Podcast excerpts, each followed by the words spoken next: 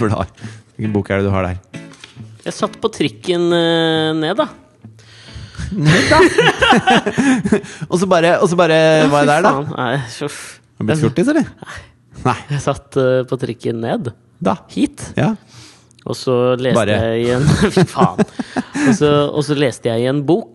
Nå kommer jeg til å være så bevisst gjennom hele podkasten på å senke Tett i nesa, eller? Ja, kanskje litt. Podkasten? Ja, ja kanskje litt, altså. Ja, mulig. Nei, altså, jeg, jeg tror jeg nå kommer til å være, litt, være meg bevisst på å være litt mer tender og, og, og myk i Og jeg, jeg har gleda meg til å bare ah!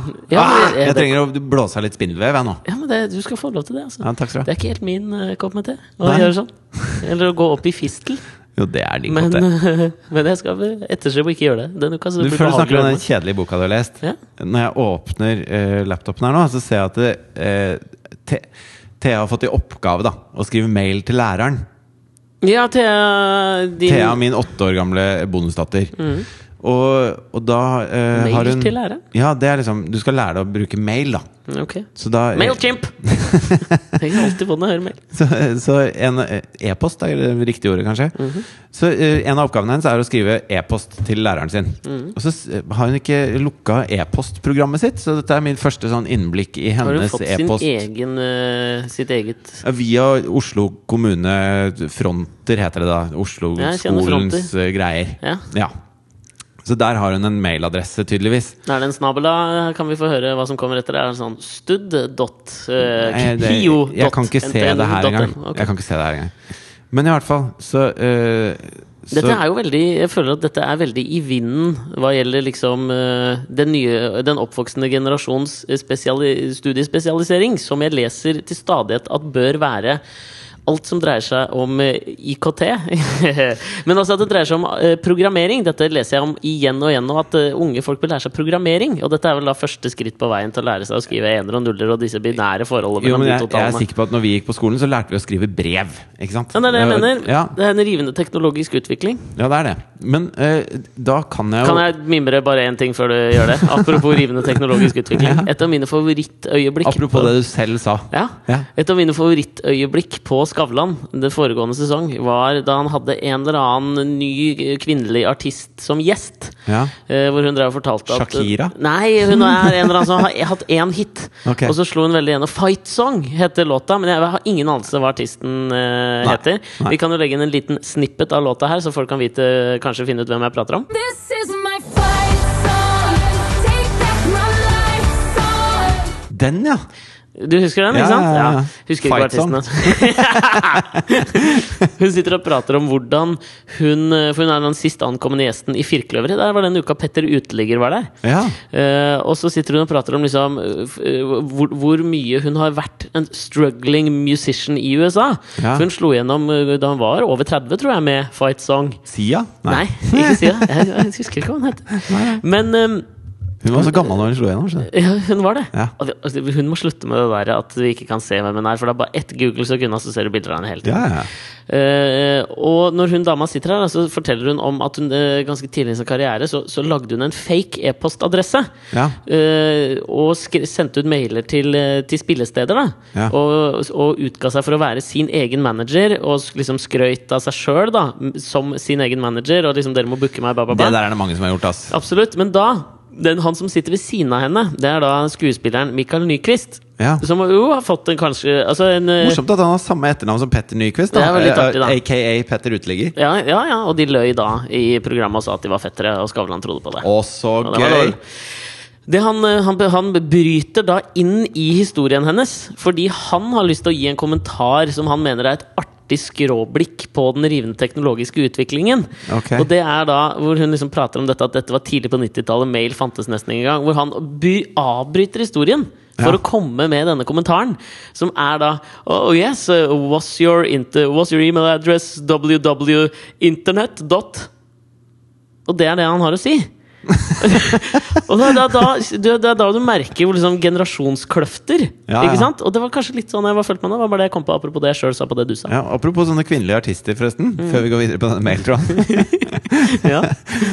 Jeg leste uh, at det går så jævla dårlig med Marit Larsen her nå, Ja. i VG. Ja. Ja, ja, ja, ja. Men leste du saken? ja.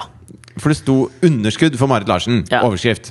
Altså uh, 2015 gikk inn i historien for Marit Larsen Mm. Eh, med en opplevelse hun aldri har hatt tidligere. Underskudd. Ja. Og så, og så begynner man å lese nedover i saken, og så ser du at ok, hun skal gi, for første gang nå gi ut eh, plate på eget plateselskap. Så det vil si at hun turnerte kjempemasse i 2014. Har brukt 2015 på å finansiere en innspilling av sin egen plate og Ja. skrive de låtene. ja. Eh, da er det ikke så rart at det går litt i underskudd. Og hun har også eh, tjent ganske godt i det året som hun fremdeles har finansiert sin egen plate. Sånn, sånn at hun har gjort det dritbra, hun i 2015. Ja. Så de har, de har misforstått absolutt hele saken.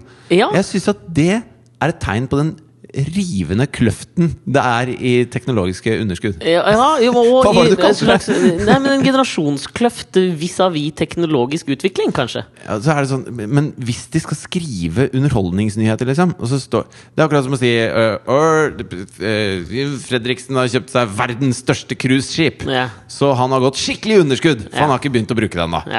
Ja, Men det kommer nå. ja, men, ja jeg er helt enig. Det, det er så jævlig dumt, da! Ja, dette her har jeg lyst til å komme tilbake til litt Uh, måten, man, uh, måten man i media og generelt forholder seg til kunstneriske uttrykk. Men la oss først ta denne Ja. mail-tråden helt ut, da. Bokstavelig ja, talt. Fordi at det, det er en, Jeg vil bare si til VG, Rumpelysredaksjonen, at det er en ikke-sak. Ja, fordi at hun enig. kommer til å tjene 100% av den plata hun nå har finansiert og spilt inn og skrevet. I motsetning til Jared Leto og 30 Seconds to Mars. Ja, I motsetning til de. Ja. Og nå over til e-posttråden som Thea har med sin lærer. Ha- Er vi, er det en, nærmer vi oss en slags Hillary e-post-gate her, eller? Ja, det tør jeg påstå. Det er, okay. altså, det er ikke så mye å lekke her. Det er, det er fire mails. Men de er gøyale, syns jeg. Hun begynner med et eh, smilefjes med sånn smil som slikker seg rundt munnen. Ja, ja, ja, ja, ja. Så står det 'Hei, du er verdens kuleste lærer. Mhm. Kan du prøve å banne litt mindre?' Stockholm-syndrom, den der slags greia, eller? Og så, står det, og så er det fem linjeskift, og så står det 'Du er kul'. Og så et par eh, linjeskift til. Ok. Jeg er mye på teater, og i morgen kommer jeg ikke på skolen, for det er tidlig prøve. Ok. Og så står det 'Jeg får mange', og så har hun skrevet dollartegn.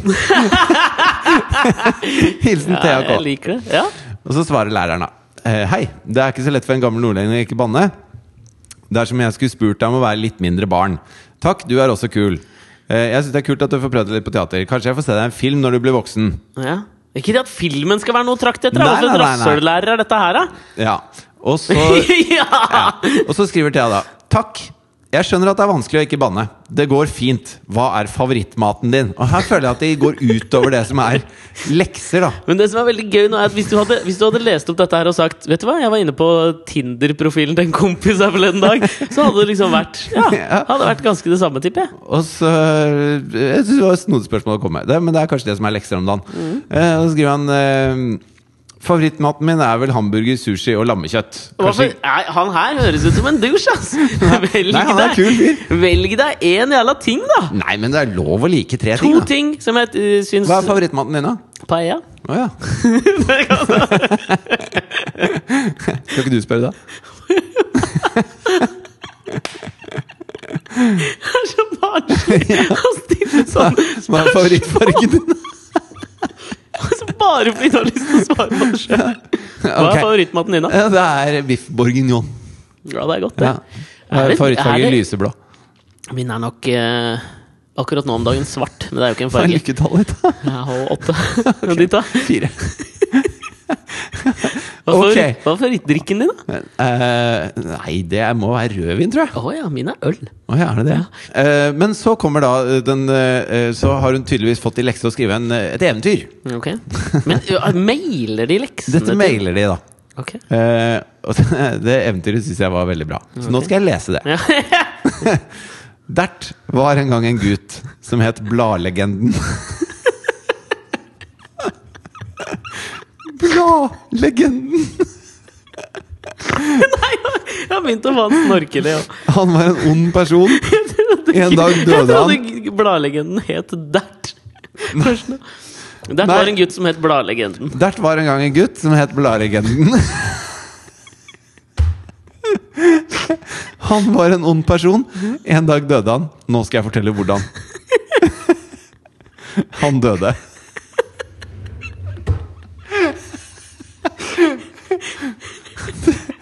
Det startet med at han gikk i skogen og trodde han var alene. Men det var han ikke. Plutselig hørte han en lyd bak seg. Han tok frem kniven hans.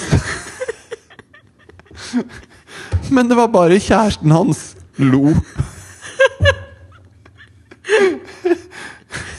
Han sa 'Nå er det middag'. De gikk hjem plutselig. Og ja, plutselig hø- Hør meg til neste. De gikk hjem. Plutselig var hun borte. Så Plutselig var hun borte. Så kuttet hun hodet hans, og så døde han. Snipp, snapp, snute. Smilefjes som slikker seg rundt munnen.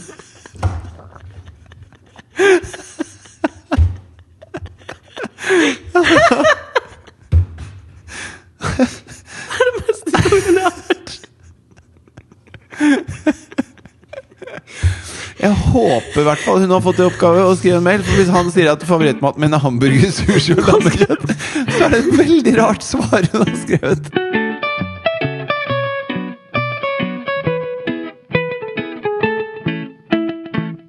Det var en befriende og deilig start, altså. Ja, veldig det, det kom veldig naturlig, det der.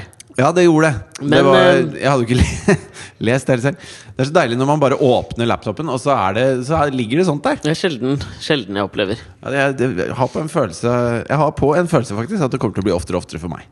Det, det tviler jeg ikke på. Hvis denne mailkorrespondansen fortsetter, så føler jeg at det kanskje kan bli en slags føljetong i vår uh, Ja, det kan, podkast. det kan det godt bli, altså. Få høre litt mer om han uh, hvis navn ikke skal nevnes, antar jeg. Men er læreren hennes? sånn- Ja, Du trenger kanskje ikke å si navnet, eller? Jeg vet ikke. Siden er jeg nå har Truls? kalt den Ok, det dette siden jeg hadde kalt den et rasshøl, så Nei, han er overhodet ikke et rasshøl. Han er Nei. en veldig kul fyr. Ja, han bare uttrykker seg litt klønete på mail, kanskje. Hvordan da? Nei, men han har allerede sagt to ting som får meg til å mislike ham. At han liker lammekjøtt? Nei, At han ikke klarer å si én favorittmat. Og nummer to, at han mener at filmen liksom skal være det ultimate eh, Nei, men målet han som sier jo skuespiller. ikke det! Han sier jo ikke det. Indirekte sier han det. Nei, han sier 'kanskje jeg får se deg i en film en dag også'. Ja, Som om det skal være Skal det liksom være noe å strebe etter? Hvorfor Nei, ikke holde seg til teaterscenen som en annen Jørgen Langhelle? Det hadde vært mye kulere hvis du var i en film. Det var ikke det han skrev. Nei, men implisitt i det der, så gjør det det. Men han, eh, han driver med MMA, og så er han veldig opptatt av å håndhilse på alle han møter. Ok. Hele tiden. Ja, nå er det pluss. Eh, og så er han veldig opptatt av høflighet. Ja. Så bra fyr. Ja, ok, men det er bra. Ja. Jeg, må, jeg tenker jo da Nå skal jeg, nå skal jeg Fordi dette går litt inn på det jeg på en måte prøvde å si at vi skulle tilbake til i stad. Du begynte med en bok her. Ja, det Drit nå i den boka, da. Det kan vi prate om etterpå. Kjedelig bok, eller? eh, nei, absolutt ikke, altså. Handler det om bladlegenden? Nei, den gjør ikke det, men det var det. Ja, men det var det, fordi jeg må si at den første Hvis du leser den første setningen i Theas historie igjen For jeg må si at den rager ganske høyt for meg som noe av det beste jeg har hørt som start på, på en historie noensinne. Dert var en gang en gutt som het Bladlegenden. Jeg syns jo fortsatt det er fantastisk. Ja. Og, og hvis jeg nå skal på en måte prøve å dra denne linja videre, så er vel en av Men legger du merke til at det? Don Quijote regnes jo som den første moderne roman. Ja. Kan du forklare meg hvorfor? Det handler noe om uh, de forskjellige enhetene som skal være på plass. Dette er kanskje litt kjedelig, altså. Nei, men Det er fordi at det er den første romanen hvor du starter med slutten. Eh, ja, men, hopper fram og tilbake i tid. ja, men det er han, før det så var liksom romankunsten var å fortelle fra A til Å. Ja. Mens han begynte på Ø, Ja. og så hoppa litt rundt omkring. Men det er jo tidens enhet, da. Men det er et par andre ting som skal på plass for at du kan kalle det en moderne roman. Men drit nå i det Men, akkurat nå. men det gjør hun her også. Ja, veldig bra. Smart gjort. Eh, Absolutt. Hun får kudos for det. Fett. Men eh, en annen veldig kjent førstelinje i noe Ja. Det er jo Shakespeares sonette nummer 18, som kanskje er hans mest, mest kjente. Ja. Og når jeg nå sier den første linja, så kommer du og sikkert alle lytterne til å tenke aha, det er den. Og det er Shall I compare thee to a summer's, Summer's day. day. Sånn starter den. Ja. Og la, ba, la den bare ligge og marinere litt nå. Mm. Og så skal jeg gå i, komme, kommer jeg tilbake til det. Ser okay. du nå hvordan jeg på en eller annen slags interauditiv tekstuell måte også oppfyller denne tidens hoppende enhet? Ja. Og kommer til, og, Ja. ja. ikke sant? Jeg gjør det. For i dag leste jeg eh, i VG, Ja. nok en gang, på Rumpelys, en sak som opprørte meg. ja. Den handler om eh, Carpe Diem, som nå beskyldes for jødehets. Og dette ligger meg Ja, dette er etter den siste videoen deres. Eh, ja, Siste låta, som heter 'Attitude Problem'. Ja. Eh, Attitude-problem. Ja. En fantastisk låt, eh, Ja, ja. vil jeg si. Jeg var og så på Carpe Diems eh, avsluttende klubbturné nå i helgen. Mm. Eh, det var fantastisk. Selvfølgelig. Eh, oppe på Sentrum Scene. Og det var første, for første gang på konsert så følte jeg meg Fikk jeg ordentlig liksom sånn, eh, symbol på at jeg var gammel. For du vet, på Sentrum Scene så er det jo Du står jo liksom nede der. Ja. Det er trangt, det er klubbete. Du orka ikke moshpiten lenger? Nei, jeg gikk opp til eh, der hvor det er sitteplasser sammen med pensjonistene, liksom. Og jeg syns det var veldig behagelig å stå Ja, der. men jeg er litt der sjøl, jeg. Ja, men det var sånn, Noen ganger så får du en eller annen slags form for sånn Så blir du Michael Nyquist, da. Ja. Og det var mitt Michael Nyquist-øyeblikk, hvor jeg innså det sjøl. Men det er av og til at man bare går for komfort. ass. Ja, du har jeg betalt det penger for den billetten. Jeg ja. husker jeg sto på første rad på Hva faen var det? Jeg husker ikke. Men jeg hadde, det var i hvert fall mens jeg fortsatt hadde langt hår. Oi, okay, ja. Ja, Sånn hår i hestehale-typ. da Så hadde jeg liksom flikka av meg strikken for å bange litt. da Det. Ja. var et eller annet uh, tung, tungrockband, dette her, da. Jeg lar den setningen bare stå ukommentert, jeg. ja.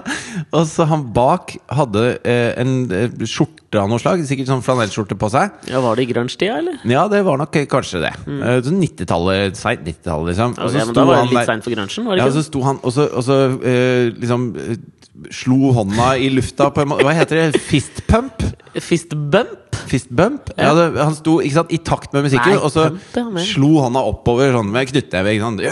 Wow. Hva var det du å så på? Jeg husker ikke hvilken konsert det var, men så plutselig hekta den der jævla knappen på skjorta hans seg i liksom nakkehåra mine som jeg drev og gifta med. da Ja.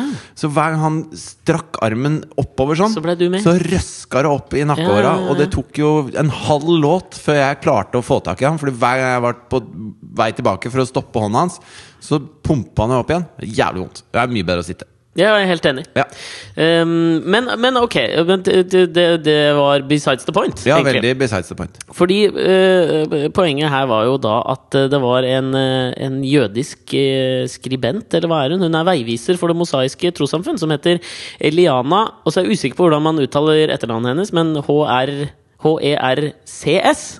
Hert? Hers? Hers. Herks? Her, Herks. her, herks. La oss kalle Eliana, da. Ja. Som hadde publisert et innlegg på Facebook-sida først, som ble, et, eh, som ble en slags kommentar på, på Aftenposten i, i dag. Og i dag skriver vi onsdag, når vi spiller inn denne her. ja. Uh, hun reagerer på, på, det, på slutten av det første verset i uh, låta til Carpe Diem. ja De snakker om jøder og penger der. Uh, nei, du, altså, jeg, ta, så, jeg kan spille av akkurat det Magdi sier da, så, Ja. du, så lytterne også kan liksom henge med på hva det er vi skal nå prate om. Ok. Jeg mener, det er ikke kjønn jeg mener Det er ikke tisp eller føde jeg mener Eller bish eller bøg eller kjøg jeg mener Eller fitte eller jød eller kød jeg mener Jeg mener, vits er en vits, aldri sjaran Og dette er bars, bars, bars Ikke en saklig sjargong Ok, Så det han sier der, er jo sja mener. Det er ikke kjønn jeg mener. Nei, du, du, når du sier det, så må du ikke si 'sja mener'. jo, men det er sånn det er. Skjønner du hva jeg mener? Sja mener. Det er ikke kjønn jeg mener. Det er ikke tispe eller pød jeg mener. Det, eller bikkje eller bøg eller skjøge jeg mener. Eller fitte eller jøde eller kødd jeg mener. Sja mener. Eh, en, jeg hører det. Kan ikke si det. Du kan ikke si Skjønner det. mener? En vits er en vits. Arild Sharon. Og dette er bars, bars, bars. Ikke en saklig sjargong. Det er altså teksten. Ja. Så det hun reagerer på der, det er jo altså at eh, at eh, de, hun føler at i teksten så, så snakker de til henne på lik linje som bikkje, fitte og kødd.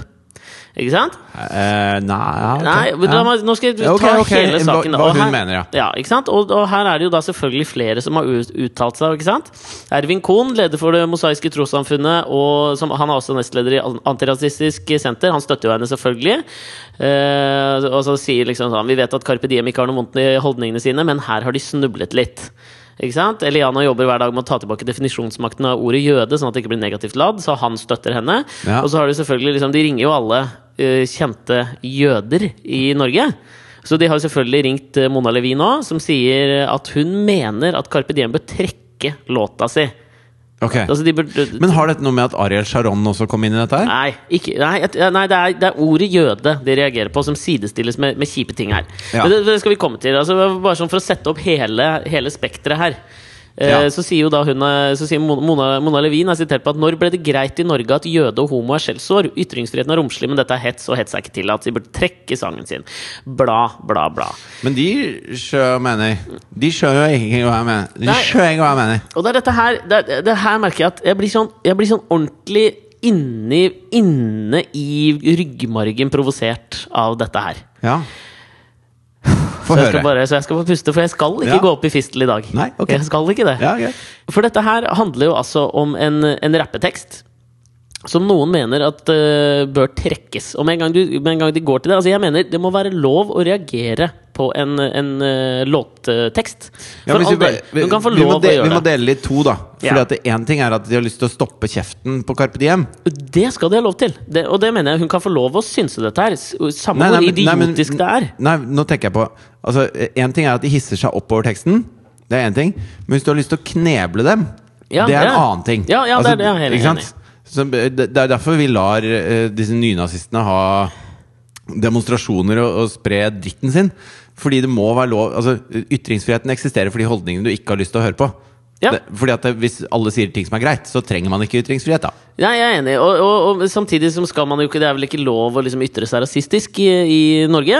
Um, for det er vel rasismeparagrafen. Men her, det, er her jeg, det er oppi dette her jeg mener at uh, noen At det ikke er Carpe Diem som snubler, men at det er Det mosaiske trossamfunn. Ja. Hvis du hører på teksten Det virker som de ikke har hørt på teksten. Jeg tror ikke de vet hva sjamener betyr. Nei, Det er det jeg lurer på. Og til og med, altså Det de har hentet ut som eksempelet, er altså hvor avslutningsverselinjen er. Og dette er bars, bars, bars, ikke en saklig sjargong. Altså, hele poenget med, sånn jeg ser det, hele poenget med eh, det, den lille, det, altså det siste det siste verset, det er altså at uh, Magdi ramser jo opp en hel haug med begreper som vi bruker som diskriminerende. Altså bakgrunn, Om det er kjønn, om det er legning eller om det er religion. ikke sant? Han tar for seg alle de. Og det de tydeligvis da ikke skjønner, er at han gjør jo det for å påpeke problemet med å bruke dem. Og du kan ikke påpeke problemet med å bruke dem uten å gjøre det. Det er akkurat det samme poenget Louis C.K. gjør når han sier Han- ikke han- si N-ordet. Da, putter du, eh, da putter du det forlengelsen av det i mitt hode at jeg må si det, og jeg blir et rasshøl. Nå er ikke jeg så inne i hiphop-lingoen som du er, Mm. men bars, bars, bars, det må bety er verselinjer, da. Altså det du rapper, er det, da. Som bars, ja! Ja, jeg trodde det var slang for bæsj. Nei, nei, nei. nei. Altså, det, er det, det er det du sier, da. Så, Har du du barsa? rapper Nei, det er ikke det. Men dette her merker jeg altså, jeg, blir så, jeg blir så ordentlig provosert av det også, fordi du trekker ut liksom sånn Jeg, eh, jeg hørte på et fantastisk eh, intervju med, med Karl Ove Knausgård, som en, en Expressen-journalist i Sverige som heter Daniel Schyldt gjorde, hvor han sa noe som jeg syns var utrolig fascinerende å tenke på. For han har Knausgård alltid drømt om å bli kirurg. Ja. Og så hadde han lest en bok av en kirurg hvor han liksom beskriver sitt virke og hvordan man opererer eh, mer spesifikt i hjernen, da. Som jo er en av de vanskeligste stedene å operere noen, ikke sant? Der er jo folk våkne når de opererer Ikke hjernen. sant? Og så sa han jo at denne kirurgen hadde lagt vekt på det at i, i det store bildet, liksom, så er mitt yrke jævlig empatisk. Fordi det jeg gjør, er at jeg opererer på noen sånn at de skal bli bedre. I, det, i grunnen i det så ligger det en slags empati. Ja, ja. Men den empatien forsvinner jo helt i det lille, hvis du bryter ned det jeg gjør. Så det jeg gjør, er å liksom flytte på en skalpell eller å skjære der, gjøre noe Altså sånn i det små Du er håndverker, liksom. ja, I det faktiske håndverket så fins det ingen empati. Nei. Når jeg snakker med de pårørende, når jeg liksom utøver mitt yrke liksom, Hvis du ser på det fra sånn samfunnsmessig perspektiv, så er jeg jo en superempatisk fyr. Men det jeg gjør, jo ikke, har, jo en, har jo ikke noe empatisk i seg. Nei, Det er nesten litt sånn Dexter-aktig, egentlig. Ja, egentlig. Ja. Og dette her, altså tenker jeg at det, det, er jo på en måte litt sånn overførbart til dette her, da. For hvis du tar en låttekst mm. og trekker ut et ord, så, så er det veldig lett å si at det er jævlig lite empatisk, da. Eller i dette tilfellet jævlig rasistisk. Men det har jo ikke noe med det store bildet å gjøre. Det blir, og så he- føler det blir anekdotisk, tåpelig og fullst, altså det blir fullstendig meningsløst. Nei, men så føler jeg også at det de sier i teksten, er jo at eh, De går jo på en måte i forsvar eh, Altså, de mener jo at disse ordene ikke skal brukes sånn som de brukes nå. Ja, ja, ja. De prøver jo å renvaske ordene i den teksten her, Ja. føler jeg. Og det er det jeg mener også at og, og, og, De er på lag med det mosaiske trossamfunn, egentlig. Ja, det er bare de mosaiske trossamfunn som ikke skjønner det. Ja, og det syns jeg jo er altså sånn, Jeg tenker jo at øh, det bør jo være en eh, journalists oppgave også, når du liksom sånn Jeg ser jo hvorfor dette er en jævlig god sak. Ja, ja. Altså, Her har du kanskje Norges mest suksessrike musikere akkurat nå, som alle elsker. Og som får terningkast seks på alt de gjør. Og som også har tatt et jævlig tydelig politisk standpunkt i de første låtene også, og videre nå. Men kanskje i hvert fall i de første to låtene de slapp, tre låtene de slapp i den Heisan Montebello-prosjektet. Ja, det er jo tydelig at de, at de er jo ikke spesielt høyrevridde. Nei. Og da Mens det jo- Ariel Sharon og, og den gjengen nede i Israel her, de er jo veldig høyrevridde. Ja, og derfor syns jeg dette er liksom sånn jeg, Så, sånn sett så henger du på greip med at du har et tydelig politisk ståsted, og du uttaler deg politisk. Ja, ja, og det er derfor denne her er en kjempegod sak. Ja. Men jeg mener jo da, i likhet med det du kommenterte på der med Marit Larsen, ikke sant? Med øh, en, en slags, et slags journalistisk ansvar for det du skriver òg, da. Ja, for dette er jo folk som uttaler seg som bare ikke har skjønt faktaene de har lest eller har hørt. Ja, og det er det jeg mener. Er det da liksom sånn Når du, når du så åpenbart ikke har en slags kunstnerisk forståelse for det som foregår i rappmusikk, Ja. kan du da Altså, burde de liksom Burde de fått det spørsmålet på et eller annet tidspunkt av en journalist her, liksom? Jeg, jo- jeg merker at jeg, jeg, jeg blir altså så sjukt provosert av dette. Men jeg syns jo at kongen sa det best. Ja, Når han begynte å uttale seg om eh, flyktningstrømmen. ja. Og så sier han at vi kan jo ikke ta hele Afrika imot her i Europa heller. Nei. Og så Én ting er at kongen som skal være nøytral, sier det. Men en annen ting er jo at det er jo ikke Det er riktignok en del afrikanere som kommer, men det er ikke der de fleste kommer fra heller. Nei, det er ikke det. Og det, hvis du skal uttale deg som konge, da Altså det er litt sånn Hvis jeg sier 'det var helt konge', så betyr det at det var dritbra. liksom Hvis du er helt konge, så betyr det at du er grisesnøring på det du driver med. Men det var ikke helt konge, det kongen kom med der. Altså er det jo et eller annet med liksom sånn Når det kommer i, sånn, i samme uke som Dagbladet finner ut at dere, dere koster oss milliarder av kroner, liksom. Ja, Så prøver du å si Og det er jo noen andre som koster ut penger her også. Ja, men, men det, men det er, jeg føler at det er, liksom to, det er to sider av samme sak. Da. Og det er, det, det er det jeg mener også. At det var derfor jeg tok opp uh, Shakespeares sonett, uh, sonett nummer, nummer 18. Ja. For å liksom vise dette at det, det er jo, selv om, selv om jeg irriterer meg over det nå, så er det jo definitivt ikke et nytt fenomen å misforstå uh, tekster. Det går helt tilbake til Shakespeare. Altså, eh, Sonette nummer 18, 'Shall I compare thee to summer's day', er jo blitt voldtatt. Og nå får noen da ikke bli støtt av at jeg bruker det ordet i denne sammenheng. Og nå kjenner jeg mye jeg har lyst til å ta opp her. Ja, Men altså, hele den er jo blitt brukt som en slags sånn hyllest til kjærligheten, og som, det, som sikkert en hel haug med briter og amerikanere har sagt til kjæresten sin når de skal fri. Hele dritten er fuckings misforstått. Fra de første 126 sonettene til Shakespeare så skriver han ikke til en dame. Den sonetten der, den han sier at han skal sammenligne med 'Sommersdag', eh, det er en mann. Ja. Det han sier, er at han prøver å digge oppunder egoet til en mann som er så full av seg sjøl at han liksom Han prøver å gjøre litt narr av denne mannen og si at liksom sånn Skal jeg sammenligne deg med en sommersdag? Det hadde vært en tragedie hvis du ikke reproduserte, dvs. Si pulte en hel masse chicks og fikk en hel haug med barn, for dine gener er jo lik en sommersdagsgener, som jo er helt fantastisk, og som alle elsker. Og det er det jeg mener. Dette det er noe- ironi. Det er en slags ironi. Ja, men da, det er både og, men det er en slags ironi. Det er en slags litt sånn et lite stikk i siden til det mannlige ego. Ja. Og det er det jeg mener. Det er ikke noe, det er ikke noe nytt fenomen. Men det, det overrasker meg at vi i 2016 må lese overskrifter som 'Carpe Diem beskyldes for jødehet', som jo Ok, det stemmer. Men at man, at man, at man fortsatt, og som sikkert oppegående mennesker Leder i det mosaiske trossamfunn og, og, Jo, og føler- jødisk veiviser, som hun her er. Det stiller seg inn i rekken av dette jævla krenkesamfunnet som vi har faen fått, ass! Jo, men vi det blir jo- jo faen meg Altså, Men det er er, det- jo er det- faen meg ikke mulig å si en jævla dritt uten at en eller annen veiviser skal føle seg krenka. Ja. Misforstått sådan, og ikke skjønne det. Altså, jeg tenker at dette Hvis det der hadde vært meg, så hadde jeg altså sånn Jeg hadde vært så flau. Altså, det er den største bommer altså, Hvis du skriver en skolestil og skal tolke Knut Hamsuns Marken Grøde og driter deg ut og ikke skjønner hva det dreier seg om, ok, det er bare læreren din som veit det. Hele Norge veit nå at det mosaiske trossamfunn er fuckings en jævla De er helt lost når det kommer til Jo, å forstå er så- populærkultur! Dette skjer jo hele tiden. Altså, Donald Trump bruker uh, 'Born in the USA' som musikk når han kommer inn i en sal.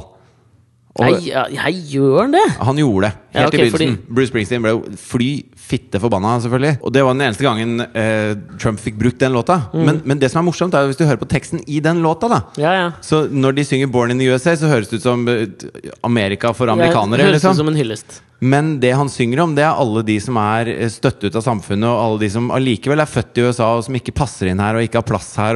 Mm. Han snakker om akkurat den mengden mennesker som Trump har lyst til å tuppe ut av landet. Men Det samme skjedde vel med George Bush senior sin valgkamp også. Så brukte han jo i, i starten 'Born in the USA', og Bruce Springsteen Ja, eh, eh, det protesterte. Ja. Ja, han er jo i vinden denne uka også. ja. Det har du, du Han jo og med. Brian Adams, Det er faktisk. jo overraskende med Bryan Adams at Ja, han også kommer men det er to forskjellige ting de, eh, de eh, på en måte For det, altså Bruce Springsteens, boy, Springsteens Ja. boikotta en konsert pga. den nye lovgivningen som sier at eh, I North du, Carolina. I North Carolina som sier at du Som må jo gå er inn en, en, en, en sørstat som er rimelig sørstatlig. Ja, den er rednecksk. Er den ikke det? Jo, Eller blander jeg med South Carolina nå? Eh, South South. Carolina ligger jo litt lenger sør Mest enn sannsynlig. North Carolina. Ja. Men i hvert fall så eh, sier de at du må gå inn på den offentlige doen som eh, det står på fødselspapirene dine. Altså ditt biologiske kjønns eh, dass. Ja, Der så- må du gå inn. så Så hvis du er hvis transgender, så ja, Hvis du har endra kjønn, eller noe sånt, så spiller ikke det noen rolle. da Caitlyn Jenner må gå på guttedassen. Hun må gå på guttedo, ellers så kan hun bli arrestert. Mm. Ja. Eh, og det oppfattes jo som et overtramp. Og jeg hørte noe intervju med noen som var for denne loven her, da. Mm. Og de Alt de sa, var bare Altså, er du gutt, så går du på guttedo. Så enkelt er det. Og jeg bare sånn Ja, men det er ikke helt så enkelt, skjønner du, kompis. Nei. Men, eh, men det var bra, Bruce Springsteen. Men hva var det, fordi, men hva du sier Bryan Adams, gjorde han noe annet? Jeg trodde det var nøyaktig det samme han Jo, Fordi han, det det, var- var, i Mississippi. Ja, og I Mississippi er det en lov som sier at du har øh, Hvis du driver din egen kafé, for eksempel, da, så Ja, har du lov ja. til å nekte folk servering basert på deres legning. Ja, eller, en- eller religiøs eller eh, religion. Ja, så Hvis det kommer inn en homofil muslim Fat chance, Mm. Ja, fat men chance, de ja. fins. Ja. Eh, så har du lov til å nekte han fordi han A er homofil, eller B muslim. Ja. eller begge deler. Eller begge deler. Så, så, ja, det er fat chance. Jeg så det var en sånn ny eh, Selvfølgelig på Kjetil Rollnes sin Facebook-vegg. Ja. At det var en sånn ny eh, undersøkelse som var gjort borte i Storbritannia. og Channel 4 som, som meldte om den. da Hvor de hadde en undersøkelse som dreide seg om integreringsutfordringer i England. Hvor de snakka om uh, hvor mange muslimer som uh, hadde forståelse for selvmordsbombere, og som ja, dette dreide seg mer om uh, litt mer sosiale aspekter. da Og det kom fram i den undersøkelsen at 52% av muslimene i England ønska forbud Altså forbud mot homoseksualitet. Ja. 39% mente at kvinnen alltid bør adlyde sin mann. 31% mener menn kan ha mer enn én kone. 23% ønsker sharialover i England. Og 5% ønska at utroskap eh, skulle straffes med steining. Dette var jo bare noen av de tingene som kom fram. Men det er jo viktig å si at sharialov og sharialov altså det, er, det er forskjellige Mm. grader av sharialov. da Altså det, det IS driver med, kaller jo de også sharialov. Og det Taliban driver med, er en mye snillere, men fremdeles en helt hårreisende Ja. Sharialov. Mens det fins jo land som har det som Altså sharia betyr jo lov. Ja. Så det er jo liksom det, det er, En pleonasme, er det det du sier? ja, det Lovlov? kommer helt an på hva du putter inn i denne Ja. loven. Men det er, jo, det er jo alltid fascinerende å følge de debattene på Kjetil Rollnes sin Facebook, jeg også. Men, men eh, det det bunner i, så, så, som jeg også syns er liksom sånn Som vi må klare der, er å klare å ha to tanker i huet samtidig. Da, som kanskje Det mosaiske trossamfunn burde klart også, når det kommer til Carpe Diem sine låttekster. Ja. Nummer én, det er et kunstnerisk produkt. Nummer to, dette De burde egentlig hatt flere tanker enn to, da. Men at man må klare å ha to tanker. Og det mener jeg også her, da. At den Det er, som, det er som noe Clawfinger, husker du det bandet? Ja, hadde men jeg var låt. aldri fan. Nei, nei, men de hadde én låt som var en hit. Hvilken var det? Nigger, nigger, nigger, nigger. Ja, det er den, ja. Ja, Og det, den er jo en antirasistisk låt, ikke sant? Ja, ja. Eh, men det har noe med at hvis hele refrenget ditt er nigger, nigger, nigger, nigger, nigger ja. Så det fikk ikke altså, gikk ikke som varmt hvetebrød i USA, den låta der. altså, hvor de prøvde å si ja, dette er jo en ikke-rasistisk låt, men hvis du er hvit og kommer fra Norge og Sverige, det var 50-50 det bandet, og du kommer med debutsingeren 'Nigger, nigger, nigger, nigger, nigger', ja. Så gjør du det som- vanskelig ja, for deg det veldig tøft, altså. Jo, men, men det er det samme sånn derre er Det er litt som hvis du er et, eh, et sånn framadstormende band på Gazastripen og har lyst til å slippe debutsingeren i Palestina, som mm. heter Jøde, jøde, jøde, jøde, jøde. Ja. Så selv om den kanskje er veldig pro-jødisk, så blir det men det måtte altså. vært enda styggere òg. Jødesvin, kanskje? Eller? Ja, eller ja, hva faen, jeg vet ikke om man har jødepakk, liksom. Ja, og dette nei. liksom, nå kunne folk Nå kunne folk trodd det. Ja? Men det er jo akkurat som det, han eh, ko, tyske komikeren. Leser du om han? Nei. Nei, fordi at det, Hvem er det? Jeg kjenner så mange. ja, nei, jeg, husker jo faen ikke hva han heter, jeg. jeg husker jo ingen navn. Si det var Bøhme, da. Ja. I hvert fall I Tyskland så er det en sånn antikvarisk liten lov som sier at du har ikke lov til å fornærme statsoverhoder. Og at det er straffbart. Du, er det Bøhmermann, eller? Er det Bøhmer? Ja, vet du hva? Jeg tror faen det er Bøhmermann, ass. Ja. Men ja, så da, bra, Alexander. Bra huska navn. Ja. Men han gikk jo da på, på TV, og da skulle han da eh, teste den loven. Mm. Så han valgte seg et statsoverhode. Da valgte han jo Erdogan. Ja, ja dette er I Tyrkia. Det er Bøhmermann. Ja, og, og i Tyrkia så er de jo veldig strenge på akkurat dette. Og så Mm. leste han opp et lite dikt som fornærmet da eh, Erdogan eh, på det groveste. Ja. Og nå krever jo Tyrkia at Tyskland skal bruke den paragrafen da mot han. Ja. Uh, og der igjen, inn i den der veldig sånn lettkrenkbare delen av det. ja, men jeg er enig, men Og dette her føler jeg jo at uh, At Facebook-feeden og kommentarfeltet under Kjetil Rollnes sine stadige postinger også beskriver noe som er veldig sånn symptomatisk for hvordan sånne debatter uh, tar form. da Og det er at liksom sånn Folk på venstresida har en sånn jævlig tendens til, til å gå så jævlig hardt ut mot nå, da.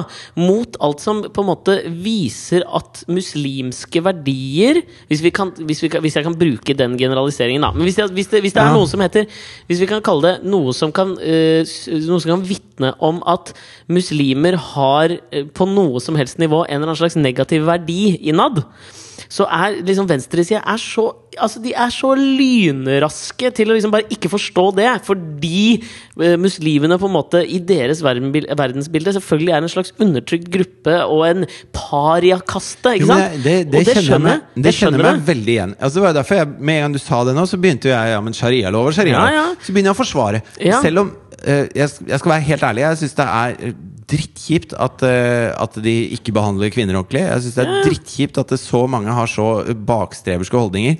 Det syns jeg om det kristne lille samfunnet i Moss også, liksom. Ja, absolutt. Men det er Altså, det, de, men det, de har jo helt like holdninger. Det er jo bare jævlig gammeldags og ondskapsfullt å ha sånne ja, og jeg om syns ikke det er helt like holdninger, men det kommer jo altså sånn, Jo, men det du, det du ramsa opp der, er jo Hvis du har sånn veldig piet, pietistisk kristne trossamfunn, Mm. så er det det de mener. Ja, jeg vet det, men det er kanskje færre av dem i Norge, da.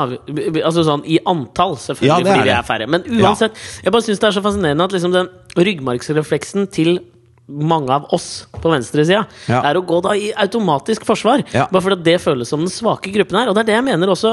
Altså, sånn, det er der vi må faen meg skjerpe oss og kunne klare å ha to tanker i hodet samtidig også. Ja.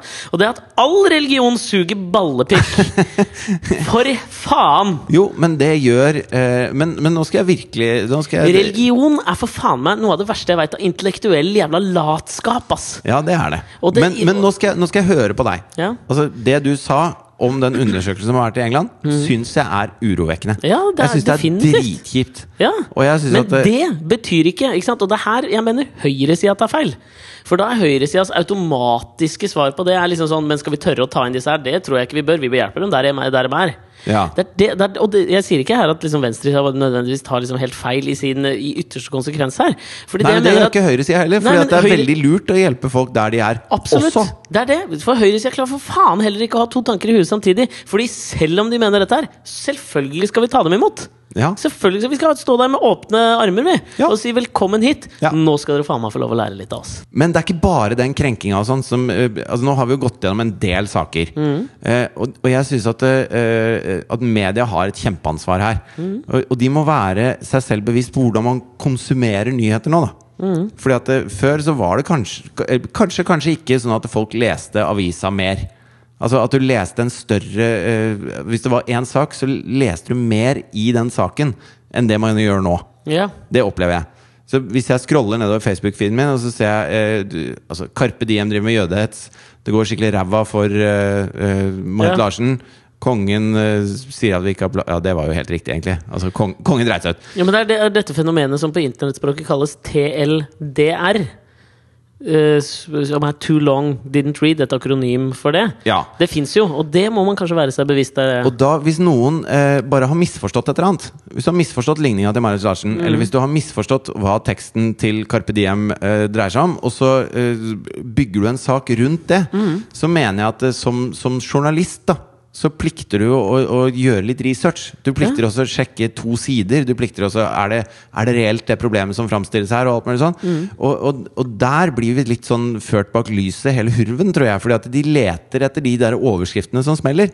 Og det er klart det at når eh, Carpe Diem, som har tatt liksom så tak i rasisme og det at vi er forskjellige grupperinger i Norge som fungerer mot hverandre de er, de er helt i bresjen på det, og blitt veldig politiske, så smeller det jo noe jævlig hvis det står at de driver med jødehets. Og da, og da syns jeg at det blir litt sånn eh, Det blir så platt og enkelt fra, fra journalistene, da. Og hvis jeg kan få ta en siste, som jeg har irritert meg noe jævlig. Ja. Leser om han lensmannen som snakka om russetreffet. Nei. Nei. Han har altså noen tips til russejenter. Hvor, hvor, er vi, hvor er vi i landet? Det eh, skal være uh, russetreff i Kongeparken, som det er hvert år I, I Stavanger. i Stavanger. Og så er det da Kåre Birkeland Hva har vi på Birkeland. Stavanger? Så er det da Kåre Birkeland, lensmann i Gjesdal kommune, okay. som uttaler seg om voldtekt i Kongeparken. Da antar jeg at Gjesdal kommune er i nærheten av Stavanger. Ja, det er det nok. Mm. Han har masse tips, og han sier at det viktigste er at jentene ikke blir overstadig beruset og vaser rundt aleine. Det er viktig at de holder Ah! seg flere sammen. Og ett tips som mange russejenter har fulgt i mange år, er å ha sykkelbukse på seg under russedressen. Da skal det mer til for at det skjer noe uten samtykke. Og det er ikke sånn at jeg oppfordrer jentene til å gå i sykkelbukser. Det er rett og slett et tips. Og så videre så mener han at gutta må oppføre seg skikkelig og ikke gjøre noe jenter kan oppfatte som feil. Og jeg mener at hvis du politi skal komme med et tips til noen innenfor Innenfor gjerdene på Kongeparken, Ja. så er det ikke voldta. Nei. Altså, hvis du kjenner at du har lyst til å voldta noen, ikke gjør det. Altså, Det må være det eneste legitime tipset her. Ta deg en runk, kunne ikke kanskje kjøp, kjøp deg noen klær som er vanskelig å ta av, og ikke drikk, og pass på eh, at det ikke kommer noen eh, rovdyr eh, som er ute etter å voldta deg. Og til gutta så sier han ikke gjør noe jentene kan oppfatte som feil. Fy, fy, fy faen. Ja, altså jeg, Dette her mener jeg er et sånt godt eksempel. Fordi uh, han her uh, lider på en eller annen måte av det samme som Det mosaiske trossamfunn uh, gjør, og mange av de andre vi har prata om nå. Og det er i utgangspunktet så er denne lensmannen ute med gode intensjoner. Han, han har lyst til å hjelpe jenter. Ja. Åpenbart. Han ba, det bare treffer litt feil. Det mosaiske trossamfunn har lyst til å ta tilbake definisjonsmakten av ordet jøde og, og slippe hets. Selvfølgelig, det er jo kjempebra, og det er dritviktig. Ja. Men det er bare sånn at Jo, men, det, vei- jo, men de, det, det mosaiske trossamfunn er de, altså hvis, hvis noe blir kalt jøde og, på feil måte, da Fordi at de vil jo at ordet jøde skal være bety at du er jødisk. Enkelt og greit, liksom. Eller positivt. Det skal være nøytralt, for faen. Ja, Det skal være et beskrivende ord Ja. som beskriver det å ha den religionen. Ikke at man da eh, tillegger det noen mer egenskaper utover det. Eh, Men, men de blir jo irriterte på, på de som bruker ordet feil. Ja, ja, ja. Ikke sant? Ja. Mens han lensmannen her blir jo ikke irritert på voldtektsmennene. Han prøver bare å, å si at det, Blir hør her, irritert på jenter som ikke ikke bruker gutta- sykkelbukse. Når gutta blir fulle, så skjer det, liksom. Så Ja. bare beskytt deg sjøl. Ja. Og det, og det syns jeg er så for jævlig holdning. Ja, jeg er helt enig, men jeg, jeg, jeg altså, Hvis vi skal la Hvis vi skal la hvis vi skal på en eller annen måte dette, legge dette dødt nå i dag, da, Ja. så la oss la tvilen komme dem til gode. Ja, Og, og, og tenke at sant, dette her bunner ut i Eller det munner ut av gode intensjoner, egentlig. Men la meg bare da skyte inn en siste ting, og det er at veien til helvete er brolagt med gode intensjoner.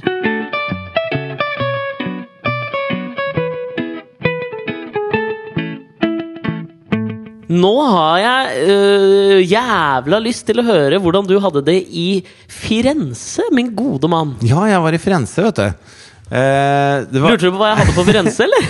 ja, er det den boka du hadde helt i begynnelsen av Ja, podkasten? fordi dette var jo, det var jo besynderlig, da, at du akkurat skulle liksom Nå ser jeg foran på boka så står det Why your five-year-old could Could not have done that. Ja, jeg, jeg begynte å lese en bok i dag som er skrevet av um, En dame som heter Susie Hodge, som var jævla fascinerende, som tar for seg veldig mange av de store eh, og kjente kunstverkene i vår tid.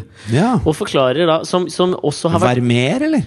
Eh, Jeg vet ikke om han er her inne, men det, altså, dette er kunstverk For som også har vært Jeg var i Firenze nå, vet du. Og så var jeg på en restaurant. ja, men for faen, la meg, Du skal få fortelle dette! Okay, men jeg okay. bare syns dette var et eh, litt artig sammentreff. For Ja. dette, denne boka er plukka opp uh, vel vitende om at du hadde vært i Firenze, og uvitende om hva som skulle stå i introduksjonen, for boka dreier seg da om omstridte kunstverk som har blitt beskyldt, lik du gjorde meg da jeg forsvarte Martin Creeds fantastiske kunstneriske prosjekt for Ja, noen er podkaster siden. At hvis noe er sånn uh, bare sånn, virker for enkelt, liksom. Ja, det der Så kunne en femåring gjort. Det er Ja. bare å kaste litt maling på veggen. Ja, og det er det denne boka dreier seg om. Og i, sta i introduksjonen av denne boka så, så forteller hun om noe om Firenze. Og det ja. visste jo ikke jeg fra før. Da. Det var da at i 1563, Ja. eh, oppfordret av artisten, arkitekten og skribenten Giorgio Vasari, så gjorde da eh, erkehertugen av Toskana, som vel er området Firenze ja, ligger det i, ligger i Toskana. Eh, han, han grunnla det første kunstakademiet. Academia e Compagnia delle Arti del Disegno, Oi. som det het. Ja. Som, eh, som var da utspringet til alle nåværende eh, kunstakademiske institusjoner. Så det var der alt startet. Altså det, kunsten startet i Firenze. Og det, ettersom vi da har snakket mye om kunsten og dets formspråk i dag, så er det jo fint at vi kan da dra en full sirkel, og du nå har besøkt Ja.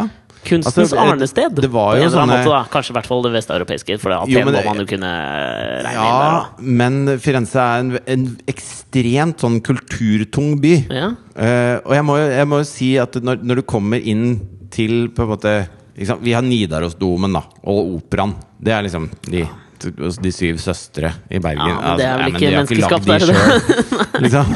Det er Gud! Ja, det er Gud som gjorde det. Mm. Uh, men uh, altså, det blekner ganske kraftig når du kommer inn på torget liksom midt i byen. Og så er det en sånn der kirke der som er lagd i hvit og grønn marmor. Og er så svær. Ja. Så, det er så massivt, og det er, det er så mye finurlig utsmykning. Mm. Bitte, bitte, bitte smått. Alt er marmor og stein, og det bare ser så grisefett ut. Med er, kirurgisk presisjon, for å ta en liten callback til ja, ja, og så er det Michelangelo som har malt i tak Michelangelo! ja, Eller Mikke Malekost, som vi kaller han. er ikke Michelangelo? Michelangelo? Gelo? Gelo? Er det ikke det? Nei, jeg vet da søren. Han Mikke-fyren. Leonardo, Donatello, Rafael og Michelangelo. Hva? Ok. Han var ikke Ninja Turtle, det var maler, malerfyren. Det må jo være kjipt å være Donatello i det trege firkløveret der. Men da tenker jeg også sånn derre Altså Vi hisser oss jo jævlig opp om dette her eh, The one percenters om Mm. dagen. Altså den ene prosenten som eier over 50% av all rikdom i hele verden. Det er vel mer enn det. Ja, kanskje. Ja, I det er USA, i hvert fall. Det Bernie ja, Sanders sier, er vel at 1% eier 90% ja, noe sånt noe. Og det, Eller 99? det, det vet jeg ikke. Men det irriterer oss noe jævlig, selvfølgelig. Og jeg er helt med på det. Altså Man må fordele goder bedre. Ja, ja. Men jeg tror at hvis du var en sånn pottitbonde i Italia, og så eh, tok du hest og esel og kjerre inn for å selge nepene dine på torget i Firenze, Mm. Og så ser du hva faen den, de der gutta som styrer Med- Medici-familien var det vel som på en måte grunnla Eller i hvert fall var en sånn jævlig styrende klan i Firenze. Det kan godt hende. Ja. Men så ser du hva de rike driver med. Liksom. Og det, det er ikke sånn at det var billig å bygge en sånn kirke da. Det, var mye, det var mye dyrere! Glem, glem operaen, liksom. Ja. Altså, det var helt kokos. Så kommer det Du har null spenn, da! Du har ikke noen penger. Nei. Ikke noe florenter. Det, det, ikke det? Jeg tror faen meg de gjorde det. Floriner. Floriner! Floriner. Du har ingen floriner. Du har ikke kålhue på bordet til barna dine. Bare neper. Bare neper. Du har spist neper til tyter ut av øra på deg. Ja. Så kommer du inn, og så ser du de der jævla offshore-gutta som har bygd en kirke og fått liksom Michelangelo til å male taket, og det er ikke Ja, ja. mål Altså, nå, nå er det i hvert fall altså, Kurt Nilsen bygger hytta si så det ser ut som en gitar fra helikopter. Fikk ikke solgt den heller. Nei, fikk ikke solgt den Eller han får ikke solgt den, det er ingen som vil kjøpe den. Men, men altså, det var ikke noe bedre i gamle dager. Til de som eh, tror det. Det er så jævla, det var- jævla det var hele poenget mitt. Ja, men det, jeg føler at det også er et slags tema gjennom podkasten også. Det var ikke noe bedre i gamle dager. Vi misforsto Shakespeare i gamle Når- dager, når og vi misforstår Carpe Diem i dag. fylte Colosseum med vann og tok inn krigsskip der og hadde sjøslag for å underholde folket, Ja. som sultet, Mm. så tror jeg også at noen tenkte sånn Han Cæsar-duden har for mye spenn, ass. Jeg er helt enig. Han var datidens Trump. Men det jeg skulle si om Vermeer, skjønner du Fordi vi var på en restaurant, og så så jeg eh, Paul Vermeer Men er det Vermeer? Fermir? Ja, men Vermeer? faen, da! Jeg bare, I just say it like this. I just say words, man. Offer for en av de største kunstsvindlene i, gjennom tidene er jo Vermeer. Ja, det er dobbel J. Ja, Men eh, i hvert fall så, så sitter vi på en sånn restaurant Offer, som offer, er, fru som er sånt, Det er på sånn shortlist til Michelin og alt mulig sånn. Men shortlist, er det en slags Bib Gourmand, eller hva er det Ja, vi det er snakker om her? det Er det Bib Gourmand, ja. Ja. Hvor du får value for money-mat. Ja, Mm. men det er like godt som Michelin, da, visstnok. uh, og så sitter vi der, og så henger det et bilde av Vermeer på veggen. Eh, og det er piken med øre- perleøredobben. Ja. Fantastisk jeg bilde, må jeg få lov å si. Ja, veldig veldig flott bilde. Og jeg blir sittende og se på det, og så, og så blir du helt sånn der, hypnotisert av det uttrykket hun har.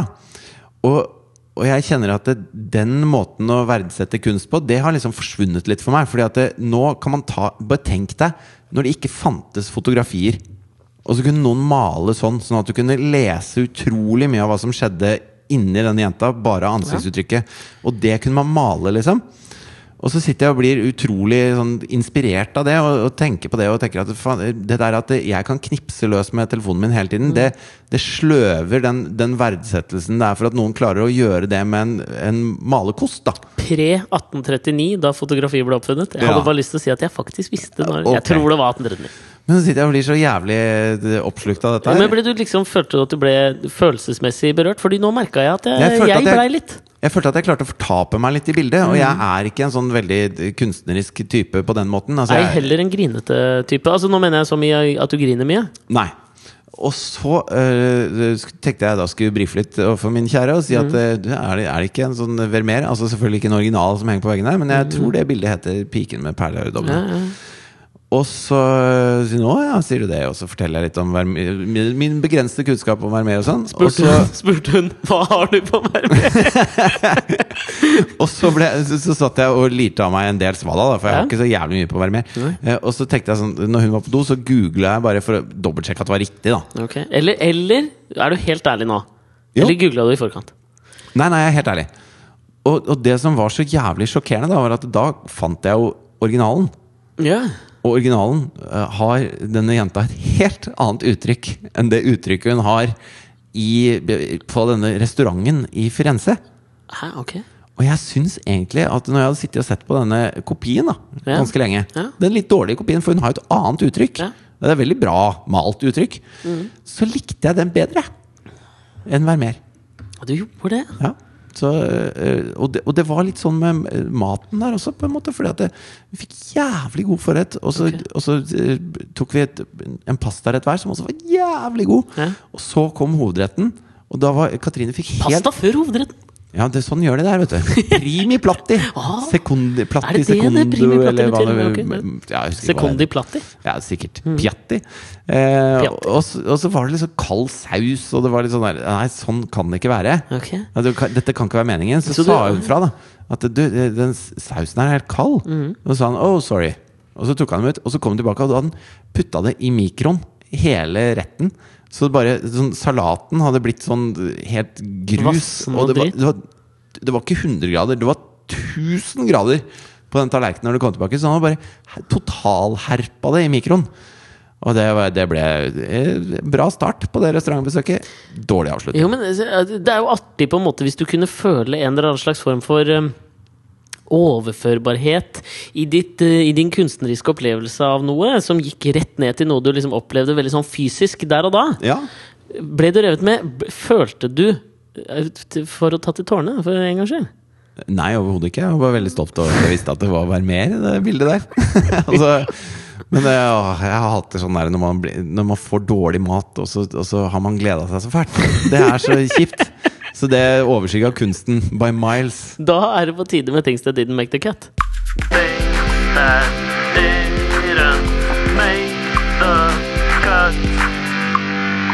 Jeg har jo jævla lyst til å begynne i dag, da. Ja.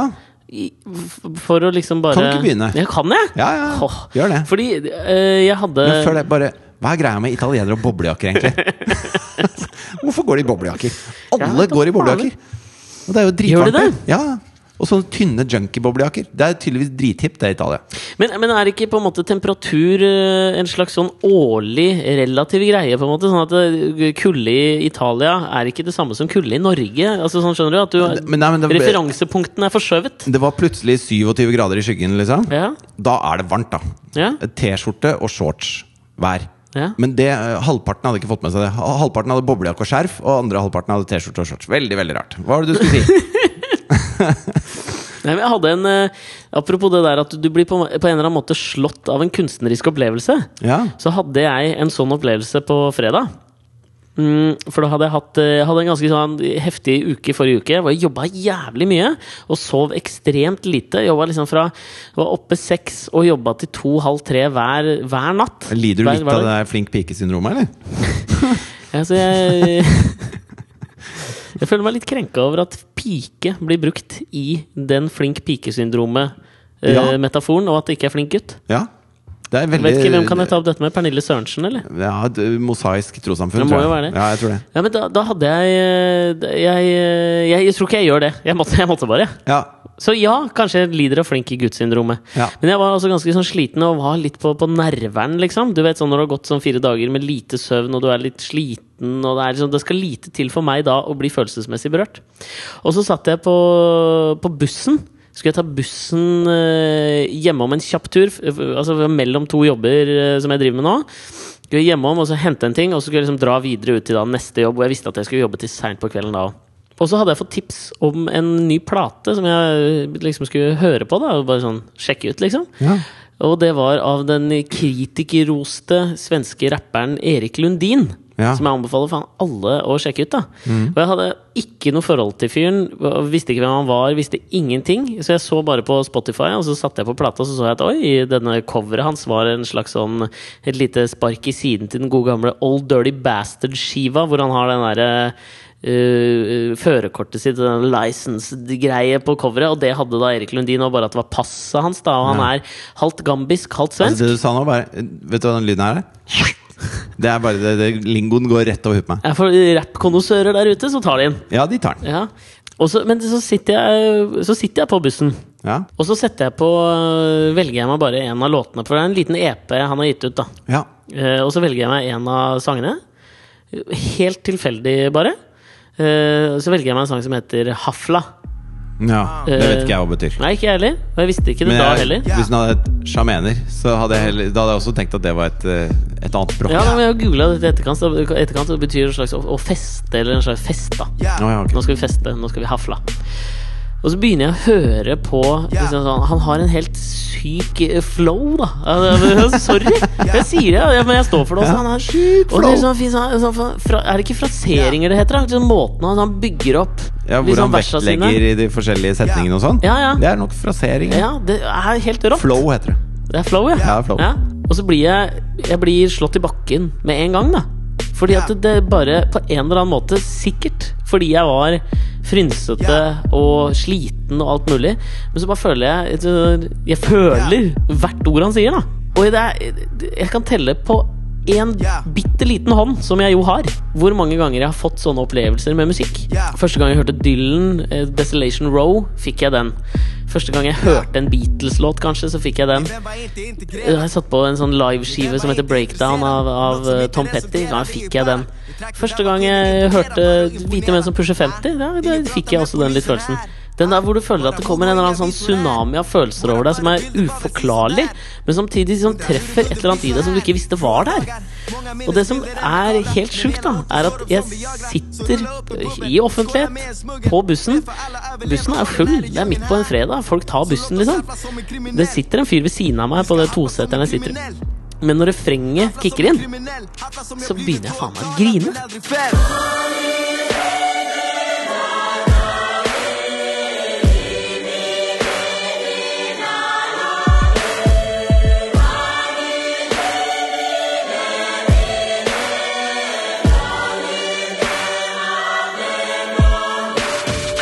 Så jeg får ikke noe things that didn't make the cut, da. Du kan få lov å ta en, du òg, altså. Ja, jeg, Ja, ta, har, du, har du noe mer, eller? jeg kan ta en liten en. Ja, ja, gjør det. For jeg pleier jo alltid å plukke ut en sånn avissak eller noe sånt som har irritert meg. Men nå føler jeg at vi har brukt ganske mye av podkasten på det, så jeg kan fortelle noe fra det virkelige liv Jeg det. Eh, jeg har jo øh, knekt armen. Ah, det er det det svarte greiene du har på armen her. Ja, det er en gips, da. Ja. Eh, og, så, og da blir man jo litt ubrukelig. Det er ting man ikke får til. Jeg har ikke så mye på Nei, heller. altså. Men eh, så, og, det, og det gjør det litt, litt sånn vanskelig der på hjemmefronten. Eh, med ting man må gjøre. Å nei, oh, nå trodde jeg du mente sex. Å ja, nei, det får jeg til. Eh, Ja, men gjør du det? ja, jeg gjør det. Men første gang ble Katrine litt sånn bekymra. Og så merka jeg at hun tenkte veldig mye på armen min. Så jeg ble sånn Nei, nå, du må, du må ikke tenke på armen min når vi driver med akkurat det her. Jeg, jeg passer på armen min. Du skal bare fortape deg nytelsen, du, jenta mi. Ok. Men, Tenk å være mer. Tenk å være mer. Ja. Ja, ok, ja. uh, og så uh, fikk Katrine sånn En sånn lei kikk i rumpa her om dagen. Som Sånn gjorde er det veldig når du vondt. spenner deg under sex, vet du. Da er det Jeg tror ikke det var, jeg tror ikke det var Nå, det var- nytelsesrelatert. Men i hvert fall Og da gjorde det veldig vondt. Alt som var å bøye seg forover. Gjorde veldig Jo, men Og det gjør man mye, da. Når man, Når man er på tur i Firenze. Nei, nå snakker jeg om etter at vi har kommet hjem, så går jeg ikke sant, med armen min som står i 90 grader, mens hun Mens, mens alt gjør vondt. Armen er en liksom. metafor, folkens. Ikke misforstå. ja, den, og den kommer til å stå sånn Boom, i, 90 grader. i seks uker. Ja, legen sa jeg måtte ha den sånn i seks uker. Men i hvert fall, så da eh, er Thea på skolen, og så ringer hun meg. Katrine. Liksom, nei, nei, Thea. Thea ringer. Ringer meg fra skolen. Fordi at da har jo liksom hun sett E-mailen eh, ikke funka? Nei, foreldregenerasjonen går litt sånn i oppløsning. Da. Ja. At, eh, her er det jo ingenting som funker, liksom. Ja, ja. Og så ringer hun og gråter hun. Og så sier hun «Øh, øh, Men Fordi hun skal på teaterøving etterpå, da. ja. Så sier hun sånn Men hvordan skal dere klare dere når jeg ikke er der? Sier den lille åtteåringen, liksom. Da har hun tenkt mye på det, da. At, eh, Stakkar. Ja, når jeg har brukket armen og Katrine har kink i rumpa, så er det ingenting som funker så bra hjemme. Åh. Ja, det er søtt, da. Ja, det var, jeg syns det var en søt avslutning på et ellers litt illsint avsnitt. da Ja, det var det. Ja, Hyggelig. Ja. Du, Denne samtalen satte jeg enormt stor pris på. I like måte. Veldig veldig deilig. Håper dere likte det òg, som hørte på. At dere fortsetter å høre på oss videre. Og kanskje sprer dette ordet til noen dere kjenner. Det syns jeg er hyggelig. Ja, Kan ikke jeg få høre det refrenget en gang til? Det Hafla-refrenget. Ja, Skal vi smelle på det, eller? Ja, vi gjør det. Ja, ok. Da høres vi neste uke. Vi gjør det. Ha det. Ha det, folkens. Hafla,